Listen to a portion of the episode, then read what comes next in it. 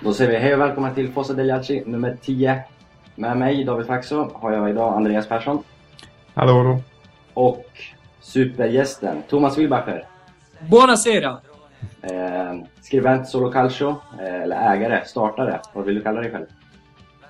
Ja, eh, absolut. Och sen eh, faktiskt från och med eh, januari så är jag ny Italienexpert på Expressen.se. Stort. Grattis! Tack! Du är i alla fall varmt välkommen till detta avsnitt. Vi går in lite på Milans säsong i stort. Eh, Mercaton, eh, Thomas ser sin bild på Montolivo, Pazzini. Så det blir allmänt snack om Milan denna vecka.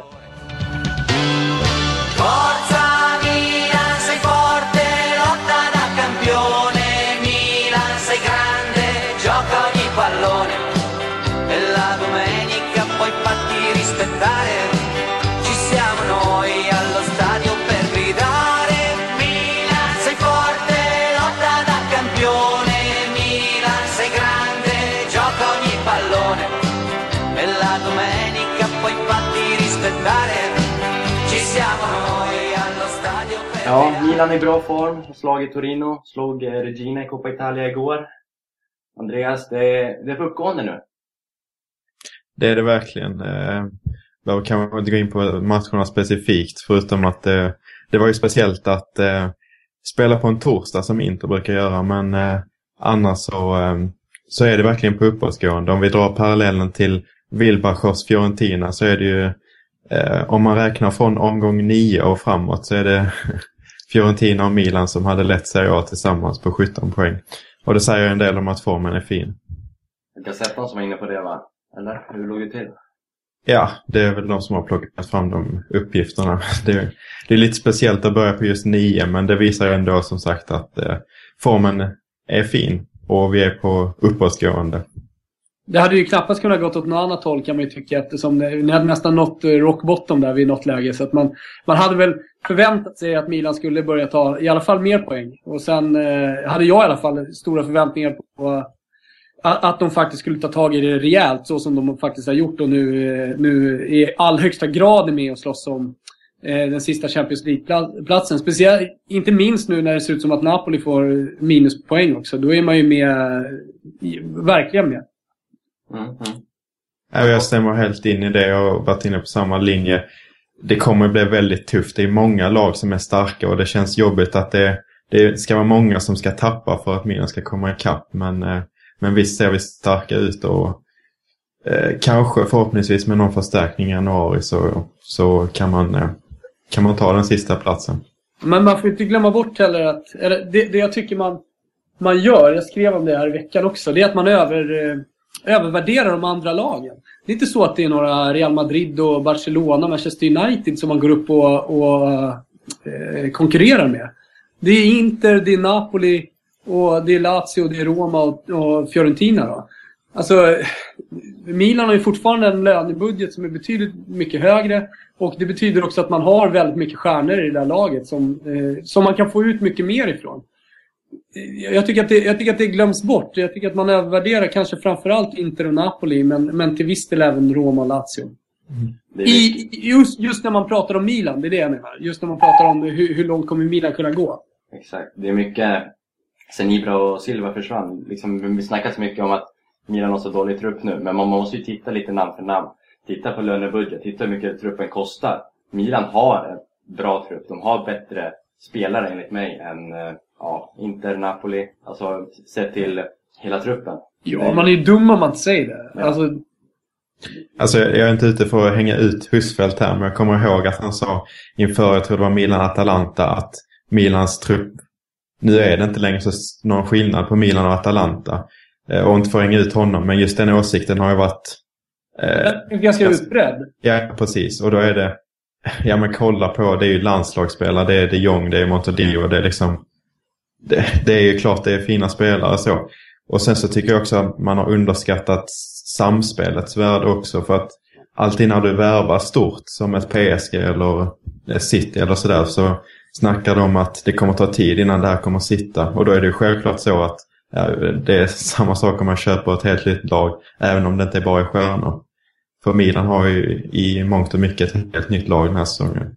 Ja. Och sen om vi, om vi adderar jag ska inte säga att det är fakta, men, eh, eller att, det- att, att det är så, men eh, med eh, Berlusconis eh, andra agendor garanterar ju mer eller mindre ja, ja, något form av ny, nyförvärv som kommer att stärka den redan starka truppen man har. Så att, ja, jag, jag, jag, jag, tycker, jag, tycker, jag tycker man kan se på framtiden, den korta framtiden med Milan med ganska positiva ögon. Om vi kollar lite, vi var inne på Montolivo, du nämnde Andreas. Eh, om vi frågar dig Wilbacher, vad har du för bild av Montolivo från eh, flera år i Fiorentina? Hur, vad tycker du? Vad tror du om honom? Eh, kommer han växa ännu mer eller? Har han Jag vet inte om han behöver växa så jävla mycket mer. Alltså det är klart att han kan, han kan bli ännu bättre än vad han är just nu i Milan. Men, men jag tycker redan han har bevisat i Champions League-säsongerna i Fiorentina, eh, med landslaget, inte minst nu i EM, då, Eh, att han är en toppmittfältare. Sen kanske han inte är på, på liksom Xavi-nivå, topp-topp-nivå. Och där, där, där i så fall skulle han ju fortfarande kunna, eh, kunna höja sig. Men då tror jag att man behöver en annan partner bevisa än de Jong. Jag tror att, eller jag tycker att Montolivo gör sig bäst som Metsala. Med en jävligt bra regista eh, liksom vid sin sida. För att registarollen eh, har ju länge varit... Eh, man, man har länge tyckt liksom, att det är där Montolivo kommer... Ja, hans, hans spelegenskaper kommer ut liksom, bäst. Men det tycker inte jag. Jag tycker han är, han är utvecklad med Prandelli, så utvecklade han bollvinna, eh, bollvinnaregenskaperna. Eh, han fick ett bättre skott.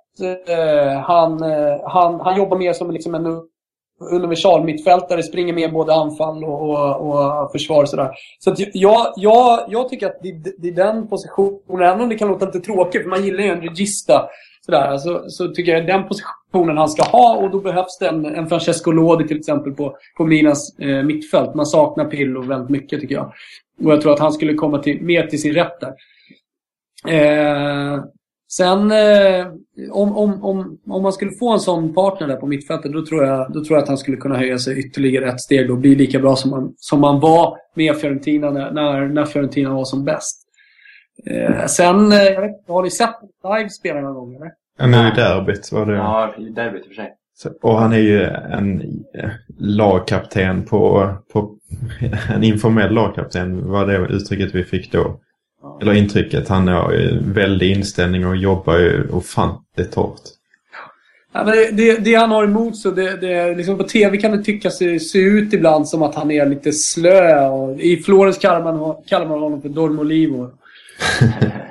Dormire att sova. Men eh, det, det, det, det är mer en TV-bild tycker jag. När man ser honom live så eh, framgår det, för mig i alla fall, väldigt tydligt att han är en topp, topp, toppklassspelare. Han, eh, han läser spelet extremt bra.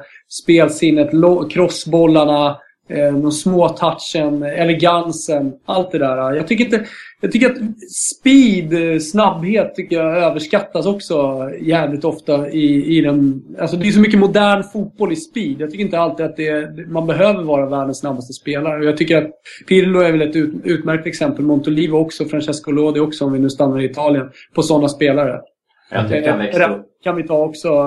Han, han tillhörde väl någon, någonstans i slutet på sin karriär också den moderna fotbollen. Så att, nej, för, mig, för mig är Montolivo en av Italiens absolut, absolut bästa spelare och jag tror också att han har möjligheten att bli en av världens absolut bästa, bästa mittfältare. Och nu tycker folk säkert att jag är dum i huvudet som säger det. Då säger jag, åk, åk ner och kolla på honom eh, i, i en toppmatch så får ni se.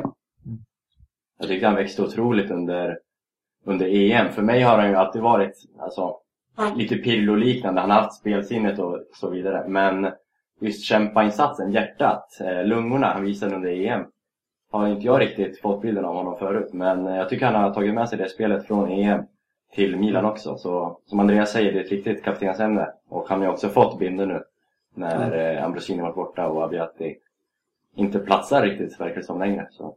Nej, men han var ju så bra också under Prandelli. Problemet var ju sen när det kom in massa andra pajastränare. Laget gick dåligt. Då blev ju han, precis som laget, eh, också sämre. Alla spelare mår ju dåligt av att, liksom, ja, det är dålig energi och att, eh, att man inte vinner matcherna. Sen tycker jag han stod upp bra i fjol. Trots att man visste då att han skulle lämna. och, och så, så kämpade han ändå in och var, var en helt klart avgörande faktor att Fiorentina faktiskt räddade kontraktet till slut. Han var jävligt bra i slut, slutet av säsongen. Uh, nej, så jag är minsta förvånad att han går bra i Milan, även om han hade kanske en lite trög start. Men det har väl ett, ett nytt lag för honom också. Mm.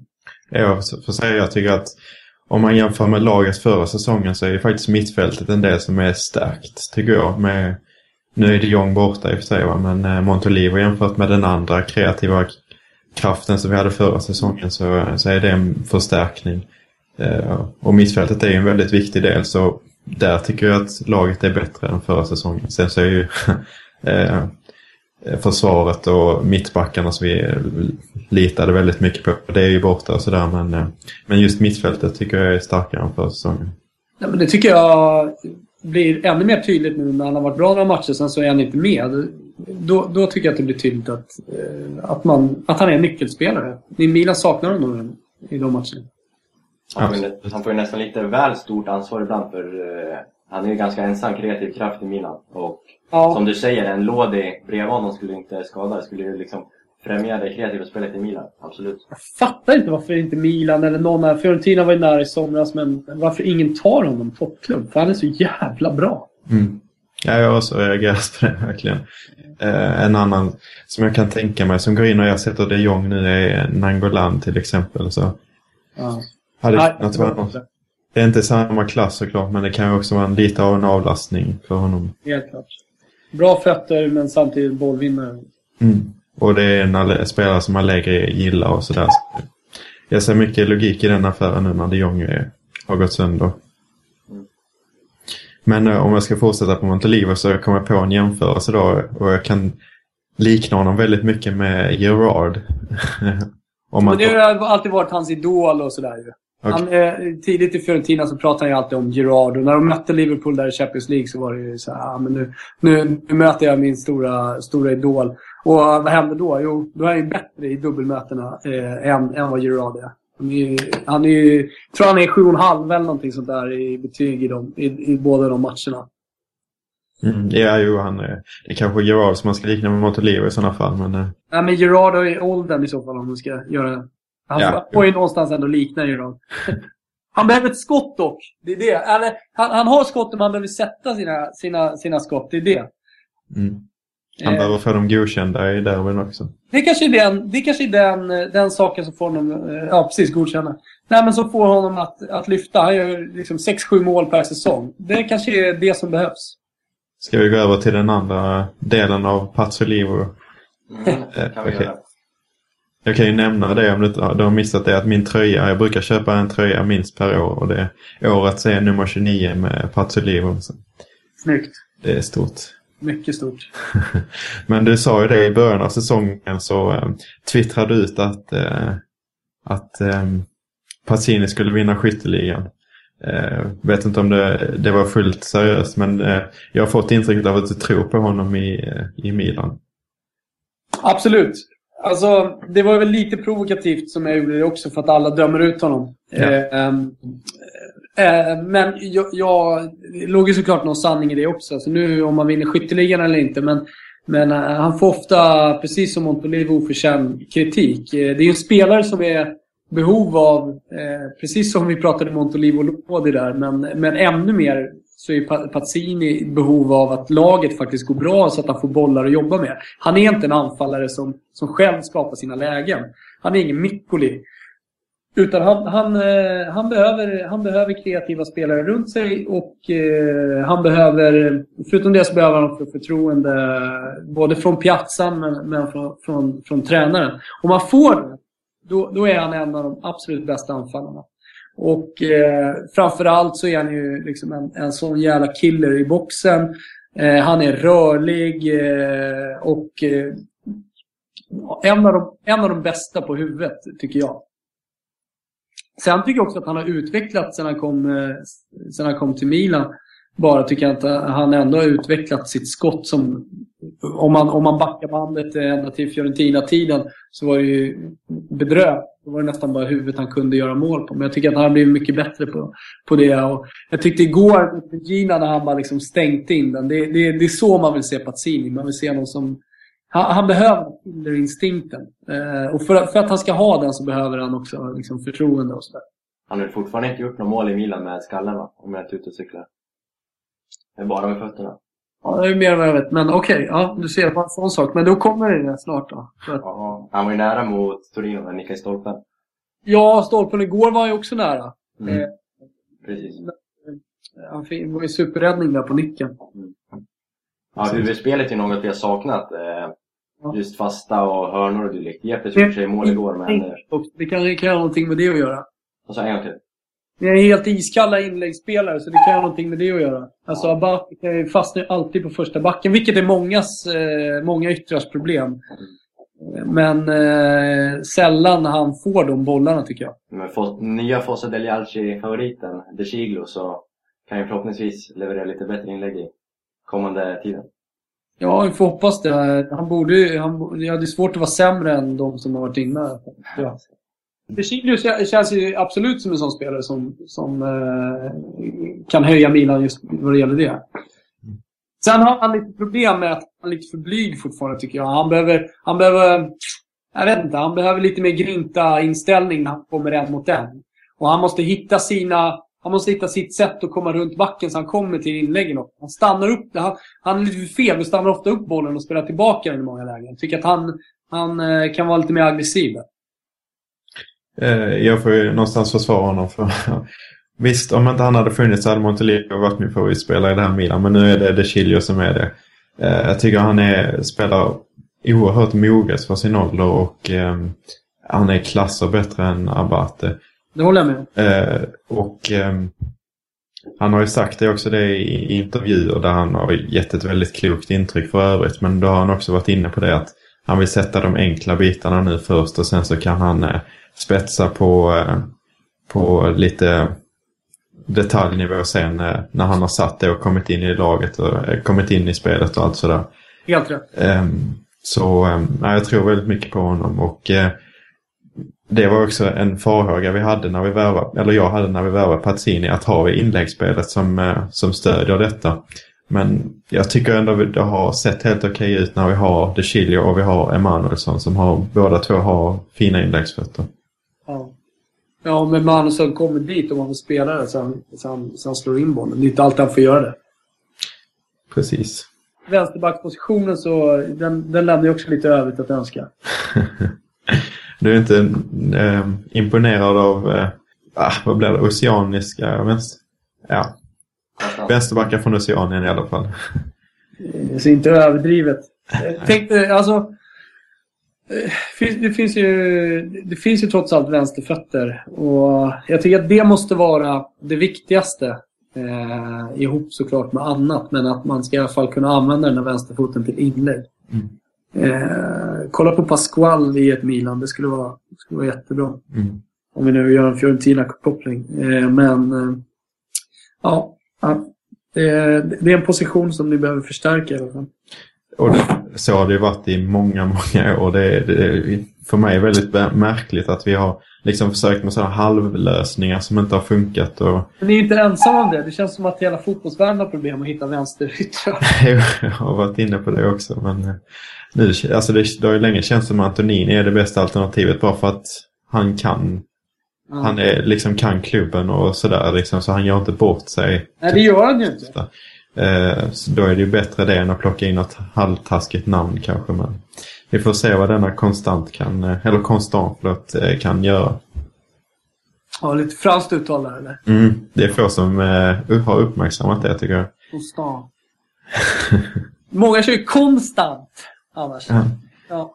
Här uppe i Stockholm. Jag tycker han är född i Frankrike och från fransk koloni. Det borde vara konstant. Ja, jag håller med. Milan, Milan, nessun va, ti fermerà. Milan, Milan, il mondo intero puoi conquistar. Milan, Milan, corre va, più nessun ti fermerà. Milan, Milan, il mondo intero puoi conquistar. Vi var inne lite på värvningar. Lodi nämnde du Wilbacher. Men om vi kollar först på eh, ut från Milan. Eh, Pato, du uppmärksammade det här, Andreas. Eh, Patos Instagram-konto har ju blivit lite uppmärksammat. Men det var ju få som, få som har eh, reflekterat över bilden han la upp på en örn. Du hade en teori där? Nej, jag bara utifrån kommentarerna direkt så var det ju eh, skräck de om att han skulle lämna till eh, Corinthians och sånt där. Men eh, jag vet inte, jag bara ställer mig frågan till varför han lägger upp en örn. Liksom, det är helt obegripligt. Han, han lägger inte upp något bilder. Alla andra bilder han lägger upp är liksom egobilder när han försöker se ut som någon liksom bimbo från, ja, jag vet, ska inte gå in på det men han, han lägger bara upp bilder på sig själv och så kommer en örn liksom. Det- Man måste se någon symbolik i det. Och, och ehm, vad är den symboliken?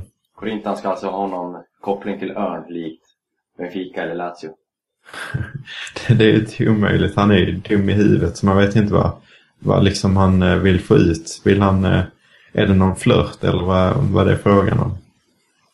För mig kan han väldigt gärna lämna eh, nu. Fan. Det, alltså allting börjar ju med det där snacket att han eh, kommer in mot Anderlecht, gör en eh, tap-in eh, och sen så säger att han vill ha mer speltid och ska prata med sin agent. När han precis kommer tillbaka från en skada. Det är ju... Det är helt bisarrt. Eh, Vad är det för speltid? Jag, jag, jag reagerade också starkt på den, men...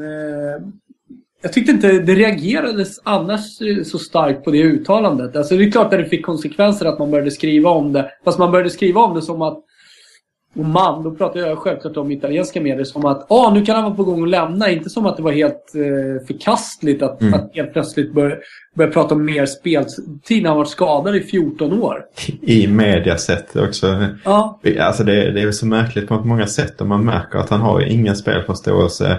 Inte bara på plan utan även utanför. Han saknar det fullständigt. Det är ju det är bedrövligt att se verkligen. Och jag, jag ska säga att jag har älskat Pata av någon anledning väldigt länge. Men det var, där tog det helt stopp för jag, jag tål inte honom längre nu.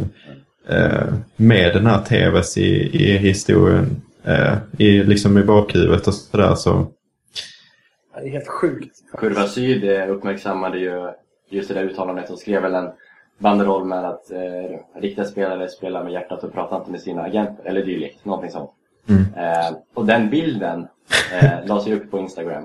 Och Pato gillade den bilden. Tryckte på like när han såg den bilden. Eh, som sagt, spelsinnet är ju sådär utanför planen också. Ja. Ja, det är bedrövligt. Men eh, ja, jag vet inte vad jag ska säga. Han är brasse, det är liksom, ja, vad ska man säga? Det är, man blir inte förvånad. Nej, man får väl, man får väl konstatera det helt enkelt. Men Mm. eh, om vi går vidare på Mercaton. Eh, Pato ut? Frågetecken, kanske. Eh, en annan brasse är ju Robinho, som har ry- ryktats mycket om nu. Santos sägs vilja presentera honom relativt snart, en tidig julklapp till fansen.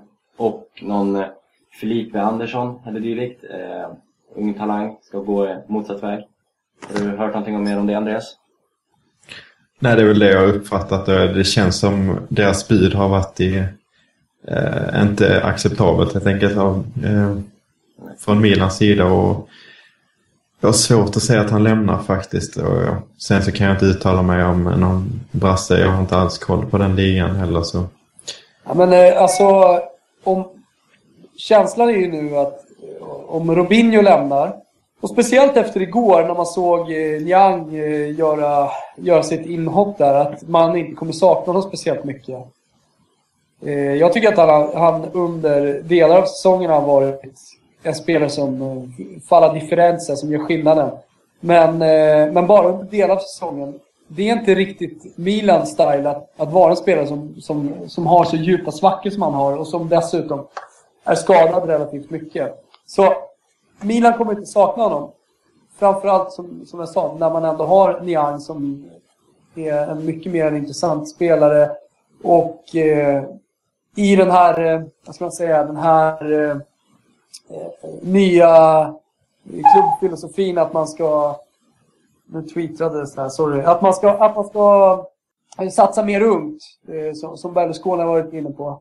Om man kollar på Bayern München-modellen och så vidare. Mm. Då, då tycker jag liksom att sälja Robinho skulle kunna vara en steg i, i, åt det hållet. Och i, i rätt riktning, helt klart. Rätt riktning. Med tanke på den lönen han sitter på så. Ja, precis. Den är ju högst i Milan tillsammans med Mexes och Pato. Så, eh, den kan man ju gärna lätta på. Det, sen så är problemati- problematiken blir om man säljer av för många stjärnor så eh, om, man, om vi inte redan har gjort det så tappar man ju anseende ju fler som lämnar. Liksom. Eh, det kan ju leda till att färre vill komma hit också. Robinho har ju fortfarande ett namn i fotbollsvärlden, även om man inte riktigt visar det på planen fortfarande. Eller- Så länge han har det så är det ju perfekt. Då kan man ju få ut lite från honom. om man Det är ju en annan aspekt att se på det. Ja, men vad tycker ni själva om Niang? Alltså, det är klart att man har sett väldigt lite av honom och visst, han har strulat med, med bilkörning och allt det där. Men, men vad fan, det, det, det tycker jag man kan lägga lite åt sidan. Det där kommer man få, få bukt på. Eh, I alla fall tillräckligt. Mm. Alltså det, det han visade igår känns ju jätteintressant. Mm. Om, man, Absolut. om man rakar bort tuppkammen så kan han definitivt Ja, men det kan vi glömma. Det är liksom det nya Milan. Det är langt bästa. Man, eh, ja. Speciellt tycker jag tycker så när det går bra, då kan man ju som Gazettan gjorde idag. Liksom, ja, eh, skoja lite mer och sådär. Man kan tycka att det ändå är okej även om man inte gillar det. Nu har jag blivit så pass gammal så jag, jag, är- jag är försiktig med att uttala mig om frisyrer och sånt där. Jag, kan, jag, jag tycker jag, jag kan- kanske anses lite gubbig om, jag- om jag gör det. Men det är kanske det som är coolt, eh, att ha en, en sån där tuppkam. Men när, när det går dåligt hur som helst och de har de där tuppkammarna med XS och, och, Ja. och, och, som ändå är ganska rutinerad. Då kan jag bli provocerad. Men, men när det går lite bra så, så funkar det ändå. Är ni med på eh, hur jag tänker där? Ja, det är helt med. Det var ju mycket snack i början av säsongen för det var ju alla har ju verkligen stökiga frillor i Milan nu. Det är ju som du säger Mexes, alltså, även om den är lite kanske mer, om jag säger elegant, men den är inte lika liksom, eh, det stiger inte ut fullt så mycket men den är fortfarande väldigt stökig liksom. Eh, och liksom Abate också med sin, eh, som, inte, som har snaggat i nacken med sin kalufs där fram som ser väldigt märklig ut. Så alla spelare, även de Grinta-spelarna som Abate liksom har, har någon konstig kalufs. Liksom. Var, var inte Boateng som satte tonen lite? Blev, fick nummer 10, blev upplyft som ledstjärnan i Milan och har den ananas-liknande frisyren han har haft nu senaste tiden. Lite sätter tonen för Milan liksom, hur, hur man ska bete sig, hur man ska vara. Förut har vi haft Nesta, Maldini, Pirlo, liksom eleganta herrar. Nu är det Boateng som, inte leder laget men som är en av förgrundsfigurerna. Jo, helt klart. Men det, vi stack lite ifrån eh, din fråga om Niang. Visst känns han väldigt spännande. Och eh, som Allegri sa, liksom ett, ett stort rå- eh, ämne som, som eh, behöver puts, putsas till lite. Och det är klart han kommer vara det. Han är ju för fan hur ung som helst. Ett, ett råämne som kommer att bli värdefullt. Vad sa han? Ja, något i den Skulle kunna bli väldigt värdefullt. Jag får att han sa precios. Ja, det kan, visst det kan vara så. Ja, men, eh, och det, det stämmer ju. Jag tycker att just den kommentaren är ju eh, verkligen precis, sätter ju huvudet på spiken när det gäller honom. Ett råämne som skulle kunna bli hur bra som helst egentligen. Och det är, ju, det är ju smart att värva så för att i den här, det är inte bara Milan som kommer ha problem att värva stora spelare och stora stjärnor utan det, det kommer inte tillåtas samma stora, stora transfers i framtiden. Så då är det ju, då är det bra att man kan plocka dem i, i ung ålder. Exakt. Helt klart. Då kan man ju diskutera om den här eh, Hakim Mastur är, är alldeles för ung för detta men det är ändå ett steg i rätt riktning. Det sägs ju att El Shaarawy ska ha pratat med De Chiglo efter matchen igår och sagt tydligt eh, Vi har mig och Niang i anfallet, vi har Ma- Mastur i, på mittfältet och vi har dig De Chiglo i backlinjen. Så vår framtid är ljus. Milan, Milan corre più nessun ti fermerà. Milan, Milan, il mondo intero puoi conquistar. Milan, corre va, più nessun ti fermerà. Milan, Milan, il mondo intero puoi conquistar. Eftersom du är med på tråden Thomas, så eh, Fiorentina eh, överraskar ju rejält i år. Vad ligger bakom detta? Ja, det är väl ganska uppenbart. Eh, En, eh, först och främst det som, det som alltid är grunden till om ett, ett, ett fotbollslag ska gå bra eller inte. Presidentens energi och, och eh, målsättning och vilja att skapa någonting. Den energin har inte funnits i Fiorentina de två senaste åren efter att Prandelli, eh, Prandelli lämnade. Man har sökt efter liksom rätt tränare, man har sökt efter rätt väg att gå. Man har, eh, man har haft eh, problem lokalpolitiskt eh, eftersom man ville bygga en ny arena. eh, Och, eh, eller en hel stadsdel vill man bygga för att få in mer intäkter till laget så man kan vara med och konkurrera med de absolut bästa i Europa för Della Valle-familjen är så, det är vinnare. Det är inga som nöjer sig med att vara 4-5 utan eh, jag är helt övertygad om, eller jag vet att eh, deras målsättning är att vara en toppklubb. Och eh, samtidigt med den piazzan så, så är det inte riktigt möjligt. Och, och för, för att komma dit så, så behövs det någonting mer och då var det här, den här nya arenan med, med allting runt omkring den nya arenan så pass viktigt. Och när man inte fick igenom det så ja, då, då dog energin lite. Det var till och med snack om att man skulle sälja klubben. Men så sätter man ner foten då innan sommaren och, och, och verkligen visar med handlingar att, att, man, att man faktiskt menar allvar fortfarande. Och det har lite med att göra att, att man eh, lokalpolitiskt också har hittat rätt tillsammans med borgmästare Matteo Renzi. Och är på väg att, att få till i alla fall en, en variant av, av, av det första förslaget som man, vill, som man la fram då. Eh, och jag har många saker, som, många saker rätt i sommar. Till exempel att, att sätta Pradé som med relativt liten budget lyckas, lyckas hitta riktigt bra spelare.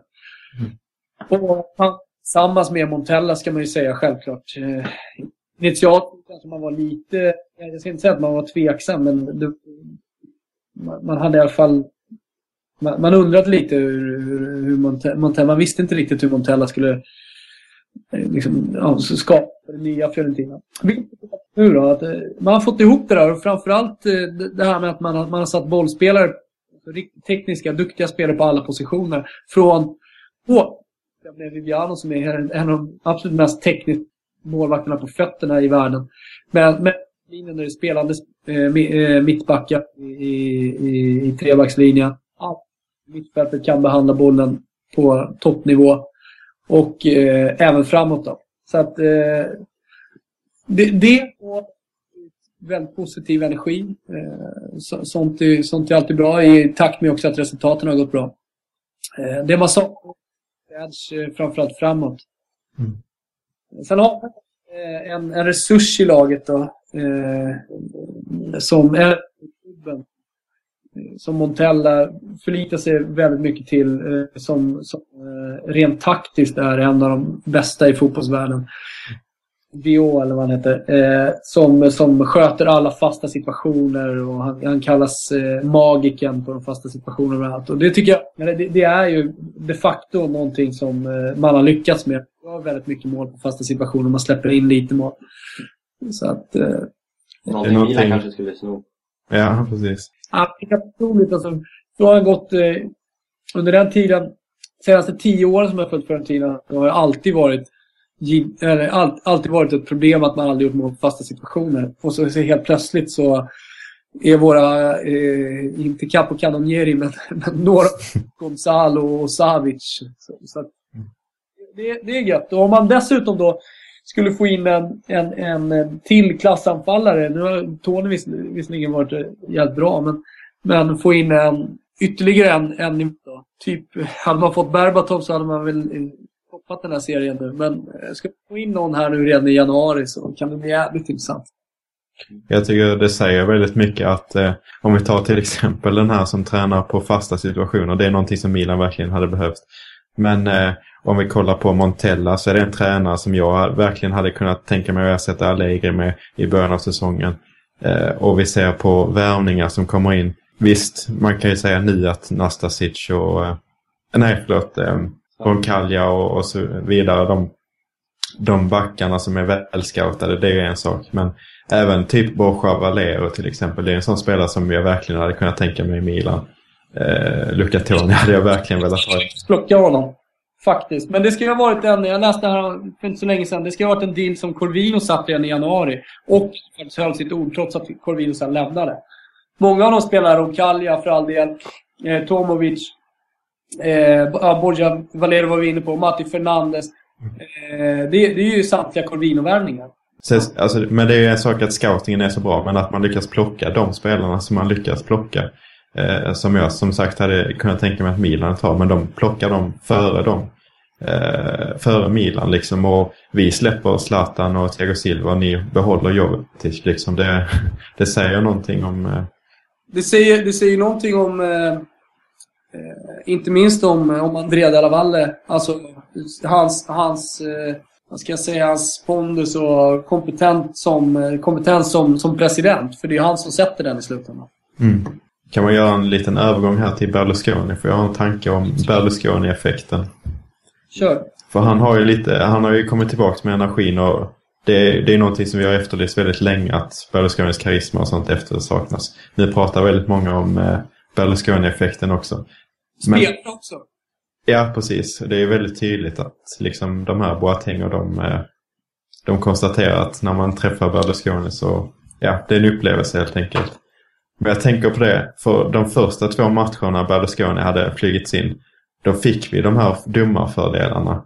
Och den andra matchen då så var jag liksom tveksam. Är det här en ny trend liksom? Får vi dumma fördelar? Är det en, en typ av Berlusconi-effekten?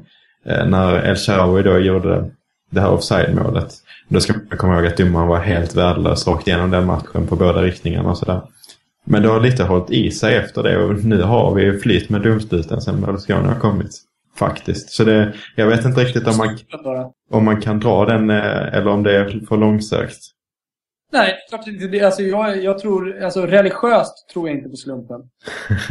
eh, eh, alltså, självklart så är helt plötsligt att det skulle bli så i, med Italiens, eh, i alla fall inte, för, inte för så länge sedan, mäktigaste man kommer in och, och visar att han menar allvar igen.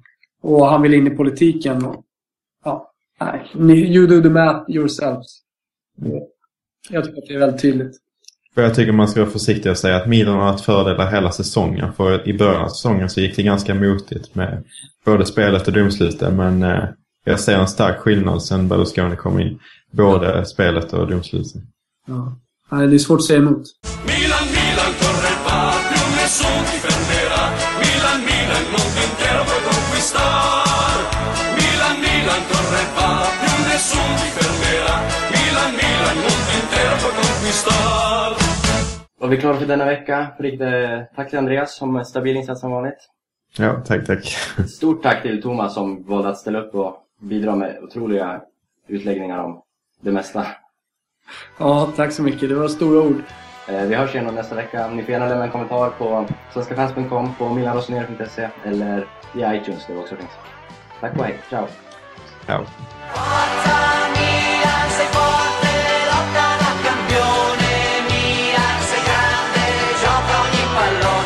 Forza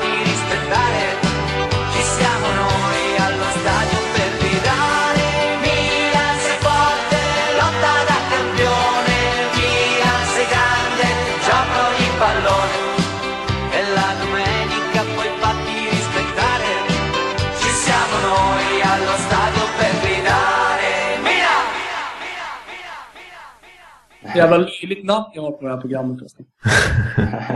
det är ju våran stolthet här. Ja, men det ska liksom... Ja, men vänta. Vi ska ha någonting med lite svensk koppling. Ja, men vi tar älgar, för det är enda vi kända för. Ja, när vi hade en diskussion i Viola Club Scandinavia om vad vi skulle ha för, eh, för symbol för Viola Club Scandinavia, då, då togs ju ja, de här klassiska vikingahjälm och vikingaskepp och älgar upp. Till slut satte jag ner foten. eh, och så valde jag en blond tjej som var helt sexig. Så det blev vår symbol. Jag tycker ni kan ta till er det. Ja, vi har ju fått mycket skit på namnet, speciellt grammatiskt. Men du som kan italienska, är vårt namn grammatiskt korrekt? Vad är det ni heter nu? Fossa degli Alci. Ja, det är väl inget fel. Vad, vad är det ni får för skit då? Att, vad är det de tycker att ni ska heta? Och vad var det de sa Andreas? Ja, senast var det väl någon italienare som hävdade att Alci skulle vara feminint. Men det, det kan ju inte stämma. Jo, det kan visst stämma. Jo, det, jo, det har jag Det har jag säkert rätt i såklart. Ja, vi har kollat upp det. Det stämmer inte. Men eh, det, det låter tydligen fel på italienska att säga det. Men det är grammatiskt korrekt. Eh, det är väl kanske inte ett ord som används så frekvent. Kan jag tänka. Älgarna. Nej, men heter det inte Le Alci? Ja, jag tror faktiskt det gör det. Ja, vi, vi, det, Fossa delle Alci tror jag ni ska heta. Det, ja, men det är viktigt att få till då. Vi, kan väl, vi, vi gör så vi kollar upp det till nästa. nästa så får vi se om vi, ni har bytt. Om ni kan göra det nu. Eller så är det, finns ju en charm att ni, att ni heter fel också kan jag tycka. Ja, vi fan. kollar upp det. Det, som är, det är det som är poängen med namnet, att ni heter fel. Eh, för att ni är ju faktiskt från Sverige, ni är inte från Italien. Och det är ju klart man kan göra lite fel. Mm. Genialt. Ja, eh, tack för din medverkan i alla fall. Jättekul att ha dig med.